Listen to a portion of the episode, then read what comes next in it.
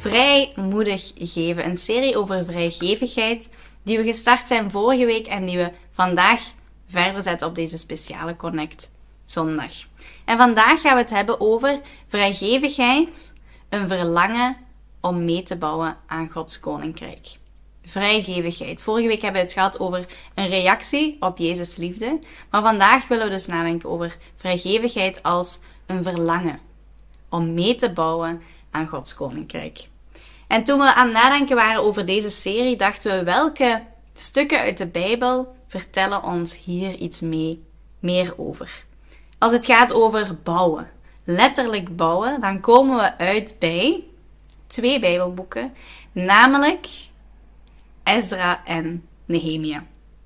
Ezra en Nehemia waren eigenlijk oorspronkelijk maar één boek. Maar die twee, de, dus dat ene boek is uiteengehaald en is uiteindelijk, um, zijn er nu twee, Ezra en Nehemia. En in hun opbouw zijn dat vergelijkbare boeken. Het gaat over bouwen, zoals ik net al zei.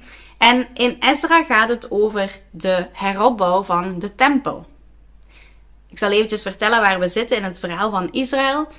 De Israëlieten waren in gevangenschap genomen in Babylonië. En toen ze bevrijd werden, is daar de tijd van Ezra en Nehemia. Bij Ezra gingen ze de tempel terug opnieuw opbouwen, die verwoest was door de Babyloniërs. En in Nehemia, ietsje later, gaan ze de stadsmuur heropbouwen. Twee grote evenementen in de geschiedenis van het volk van Israël. En als we praten over een verlangen om te bouwen, dacht ik, hey, wat kunnen we vandaag samen leren over vrijgevigheid en samen bouwen aan Gods koninkrijk? Dus een korte schets van de twee boeken. In Ezra um, gaan ze dus de tempel heropbouwen. Ze zijn enthousiast, want ze willen Gods aanwezigheid terug in hun midden hebben.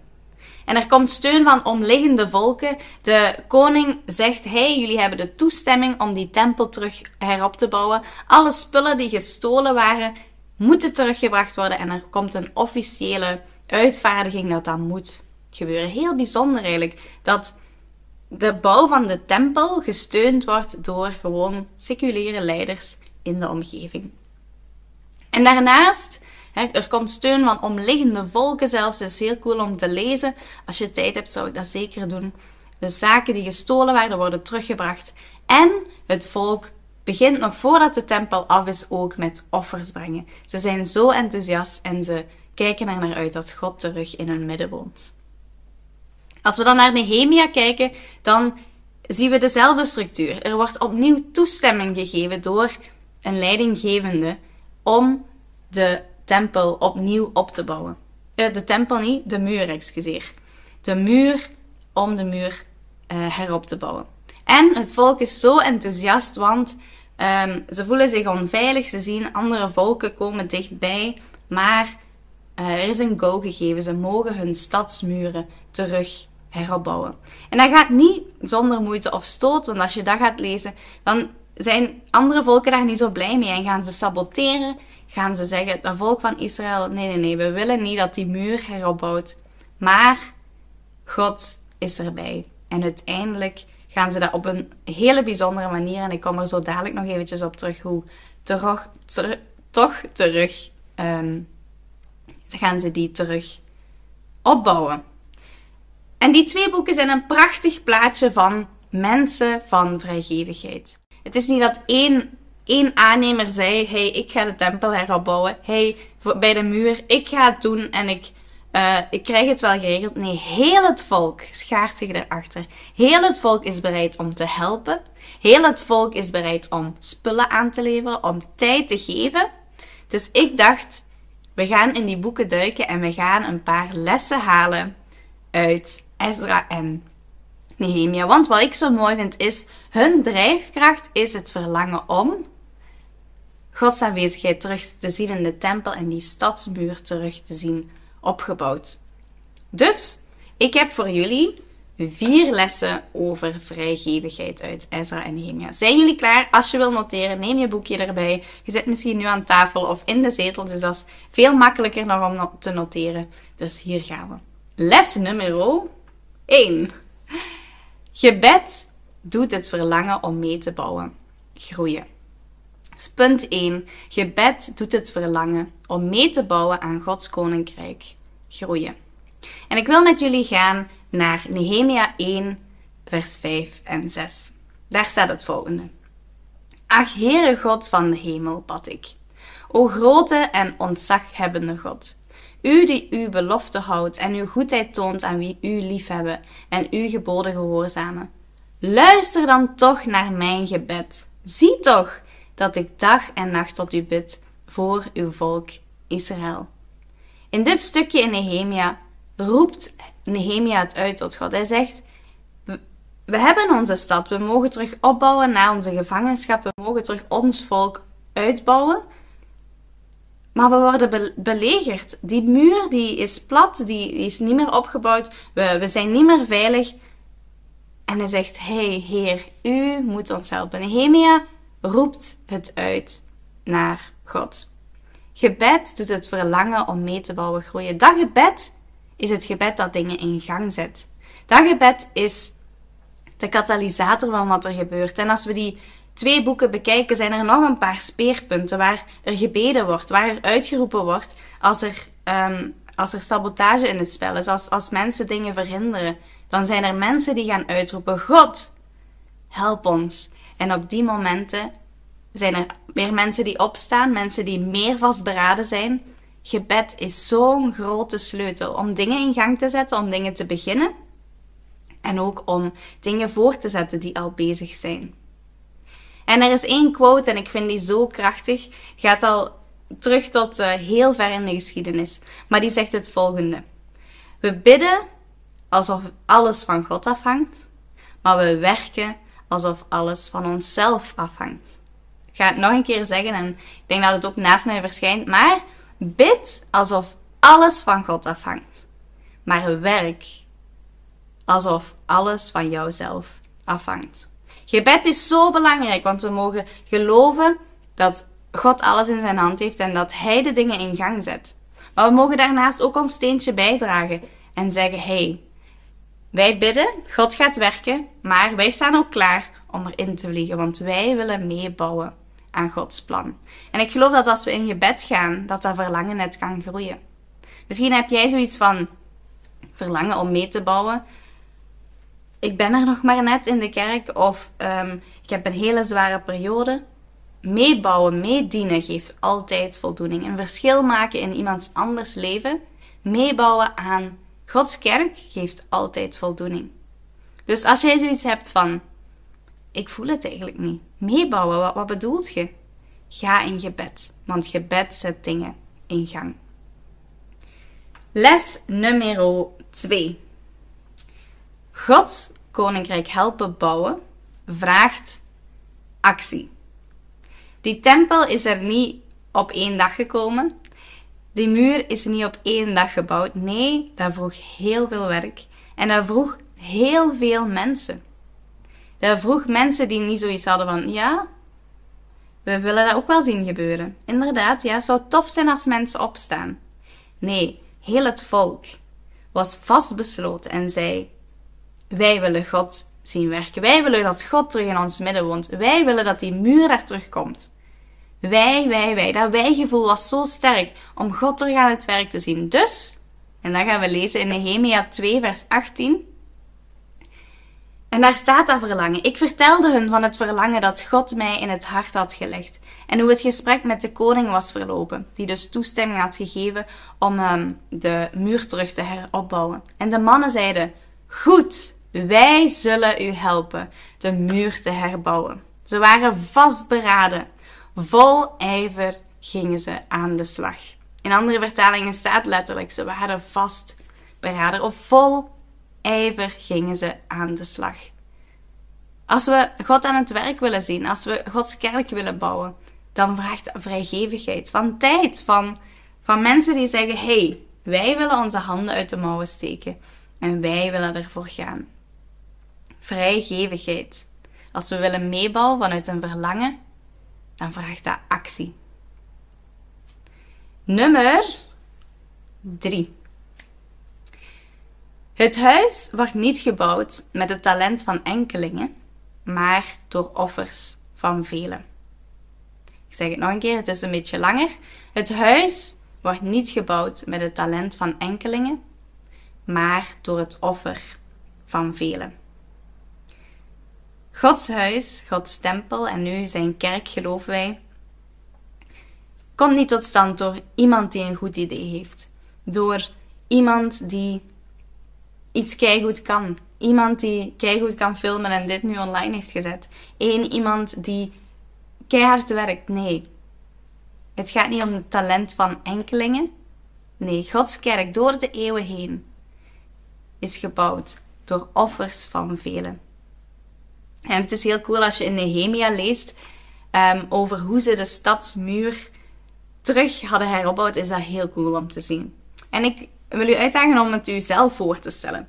Dus stel u voor dat het een ronde stadsmuur was. Ik weet niet of het zo was. Maar om het u even visueel voor te stellen. Stel u een cirkel rond die helemaal toegebouwd moest worden. En daar waren gaten in, poorten waren beschadigd, die waren maar half hoog meer, niet meer stevig.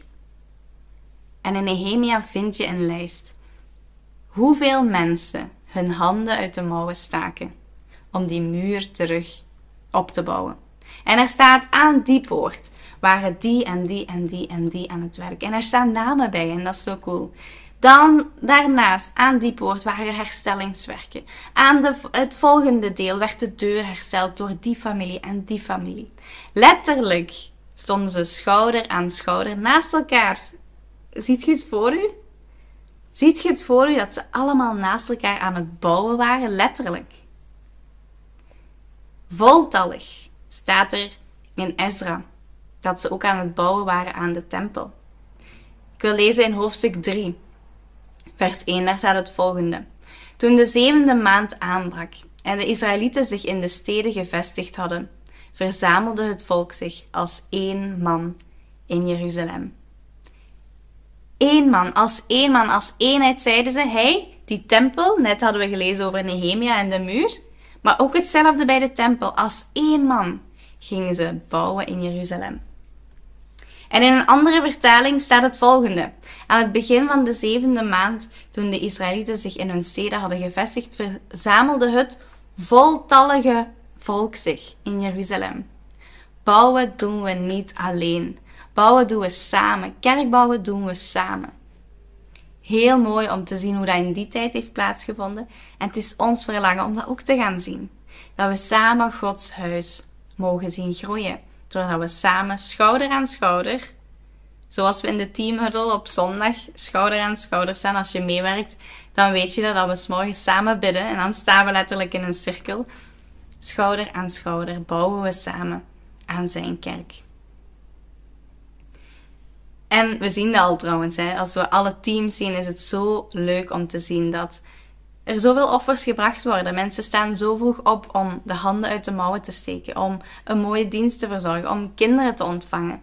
De kids zijn bij kids, hebben geen worship zelf uh, in onze dienst. Nee, zij staan bij de kids. Zij zorgen dat kids Jezus kunnen ontmoeten. Dat is een offer, maar dat is het mooiste offer wat ze kunnen brengen. En dat zo zijn er zoveel teams die, die offers brengen. Die zeggen, hey, ik wil vandaag dienen. Ik ga geloven voor iemand anders wonder. Dat, zo kan je dienen ook definiëren. Dat is heel mooi om dat zo te zien. We hebben al drie lessen gehad.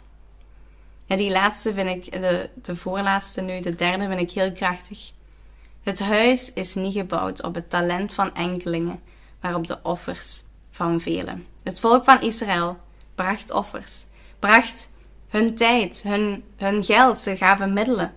Als ze offers brachten toen de tempel nog niet af was, waren dat dieren die ze eigenlijk voor de landbouw, voor eten konden gebruiken, maar zij brachten het offer, reukoffers, brandoffers, zodat God geëerd kon worden.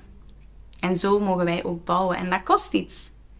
Maar zo kunnen we Gods huis bouwen zodat andere mensen ook Jezus mogen leren kennen. Want dat is ons verlangen. We zijn al aan de laatste les gekomen. De laatste les, dat klinkt nu uh, alsof we op school zijn. Helemaal niet, maar het laatste iets wat we kunnen leren van um, Ezra en Nehemia. Gods plan staat vast. Hij bouwt zijn huis. Gods plan staat vast. Hij bouwt zijn huis. Ik heb het nu heel veel gehad over onze inbreng. Over het volk van Israël dat, dat wel eerst uitreikt in gebed en zegt: Hey God, we hebben u nu nodig. Hoe gaan we dit oplossen? We zitten in de penarie, we willen erin vliegen, maar het lukt niet. dus ze hebben God geraadpleegd. Is het startpunt. Maar dan hebben we het gehad over: Hey, we, we gaan samen bouwen. Maar hoe zit dat nu? We hebben ons verhaal, we, we kunnen de handen uit de mouwen steken, maar uiteindelijk is het Gods plan. Zijn kerk is Gods plan. Toen Jezus naar de Vader ging en de Heilige Geest uitgestort werd, dat gaan we vieren met Pinksteren, ontstond de kerk. En de kerk was Gods plan. En hij gaat dat huis ook bouwen. In Psalm 127 staat het volgende. Als de Heer het huis niet bouwt, te vergeefs zwoegen de bouwers. Als de Heer de stad niet bewaakt, vergeefs doet de wachter zijn ronde. We kunnen bouwen, maar uiteindelijk is God degene die doorbraken geeft. Is God degene die levens verandert? Is God degene die de kerk bedacht heeft? Die, Jezus is het hoofd van onze kerk. Jezus staat centraal. En zijn plan staat vast. Hij zal de kerk doen groeien. En hij wil ons daarvoor gebruiken en dat is heel bijzonder. En ik wil nog een paar stukjes lezen die dat zo mooi illustreren, dat evenwicht. In Nehemia 4, vers 14 kunnen we het volgende lezen. In die tijd, dus uh, waar we in het verhaal op dat moment zitten, er is um, rondom zijn er wat mensen die uh, mal tevreden zijn, die zoiets hebben van die muur die moet er nooit komen. Als wij um, s'nachts dingen gaan doen, dan kunnen ze niet verder werken. Ze, ze bedenken plannetjes om de bouw van de muur te saboteren. En in hoofdstuk 4, vers 14 lezen we het volgende. Als u de ramshoorn hoort schallen, moet u zich bij ons voegen, op de plek waar het geluid vandaan komt. Dus ze hebben een plan bedacht. En dan zeggen ze: Want onze God zal voor ons strijden. Ze zijn aan het bouwen en ze hebben zoiets van: Oh, dit wordt spannend. We worden tegengewerkt en in de kerk zal het ook niet altijd makkelijk gaan in de wereld, we, hebben een woelige tijd achter de rug en het lijkt nog niet voorbij. Maar we mogen weten dat als we samen bouwen, dat God voor ons zal strijden. Zo mooi. En in Nehemia 6, vers 16 kunnen we het volgende lezen. Toen de volken rondom ons, onze vijanden, dat hoorden, werden ze bang en voelden ze zich klein, omdat ze beseften dat dit werk door onze God tot stand was gebracht. Dit stukje, als we dit lezen, dan is de muur afgeraakt. Dus ik ga het nog eens lezen en je mag denken aan die muur die af is. De volken rondom ons, onze vijanden, toen ze hoorden dat de muur af was, werden ze bang en voelden ze zich klein, omdat ze beseften dat dit werk door onze God tot stand was gebracht.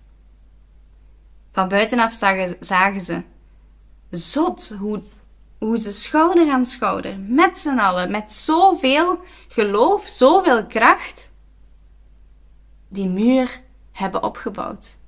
God bouwt zijn huis en is nooit te stoppen. En andere mensen zullen dat zien, zullen zeggen: Dit, wat hier gebeurt, zal alleen kunnen omdat het, tot, door onze God tot stand is gebracht. En wat heel zot was, is um, er was dus heel wat strijd in de tijd van Nehemia toen ze die muur gingen bouwen. En um, het was zelfs zo erg geworden dat um, ze shiften hadden.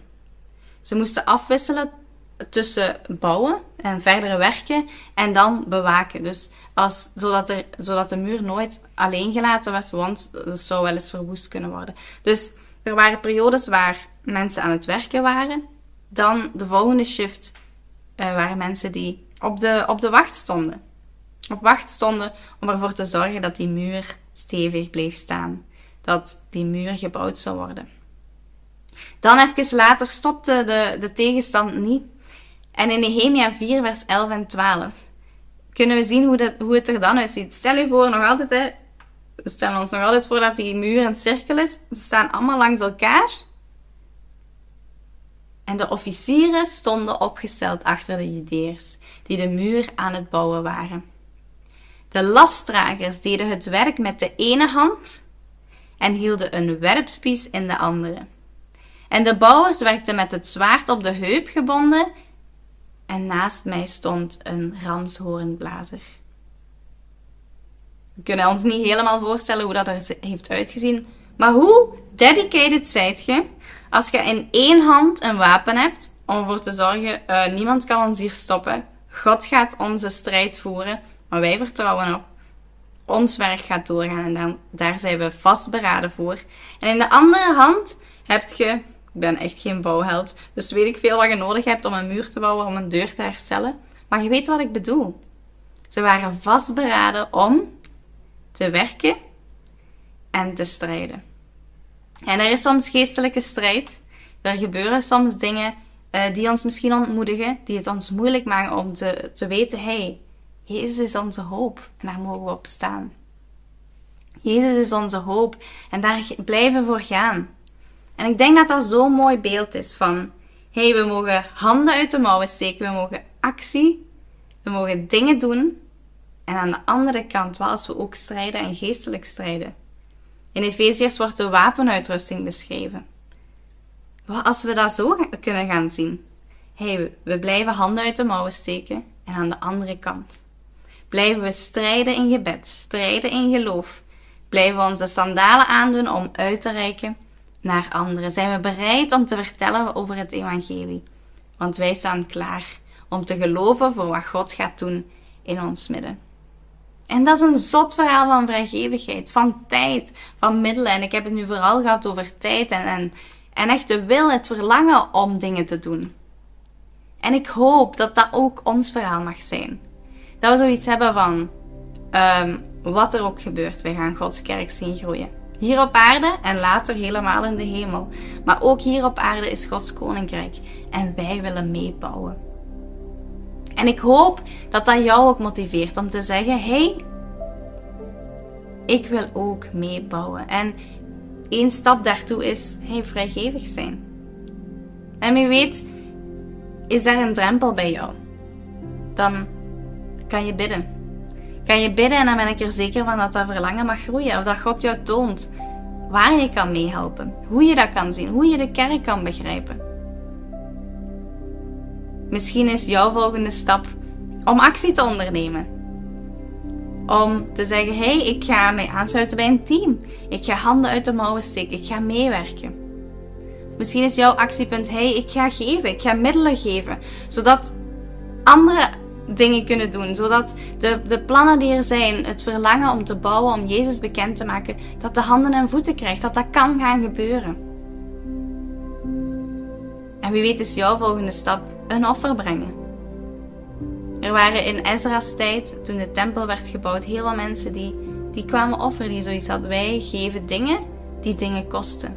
Wij geven iets op. We geven een deel van ons bezit af. En we zeggen, hé hey God, dit is, dit is van u. En dat kost iets. Maar op de offers van velen is het huis gebouwd. Ik denk dat je niet wilt weten, de eerste kerk, hoe die hebben afgezien voor Jezus' naam. En ik zeg niet dat we moeten gaan afzien, maar eh, de essentie van een offer is dat het wel een beetje pijn doet. Dat het iets kost, maar dat het wel God eer geeft. En in dat kader we, leven we toe naar hart voor het huis. Waarom? Omdat we een verlangen hebben om God aan het werk te zien. En ik hoop dat dat ook uw verlangen wordt. Dus drie dingen die je kan doen. Bidden, dat je verlangen mag groeien en dat God je toont wat de kerk is en wat zijn plan voor deze aarde is. Je kan in actie schieten en denken: hey, waar kan mijn tijd naartoe? Waar kan, kunnen middelen naartoe? Waar kan, kan geld naartoe? Zodat Gods koninkrijk gebouwd kan worden. En de derde, hey, is er misschien een offer dat je kan brengen? Is er iets wat ik kan geven wat eigenlijk een beetje pijn doet? Waar ik eigenlijk veel aan gehecht ben en zoiets heb van: hey, ik ga iets geven wat meer is dan ik eigenlijk zou doen. In geloof dat God dingen in gang zet. Ik kijk zo uit naar wat God gaat doen de komende weken. Dit gaat, dit gaat niet om geld of um, wat het gaat opbrengen. Dit gaat echt om hoe we gaan groeien samen, hoe ons verlangen gaat groeien om Gods koninkrijk op aarde te zien. Het begint bij gebed en dat is ook wat we jullie willen vragen. Bid alsjeblieft dat deze periode ons verder mag helpen groeien. Dat deze periode iets heel spannend mag zijn voor onze kerk.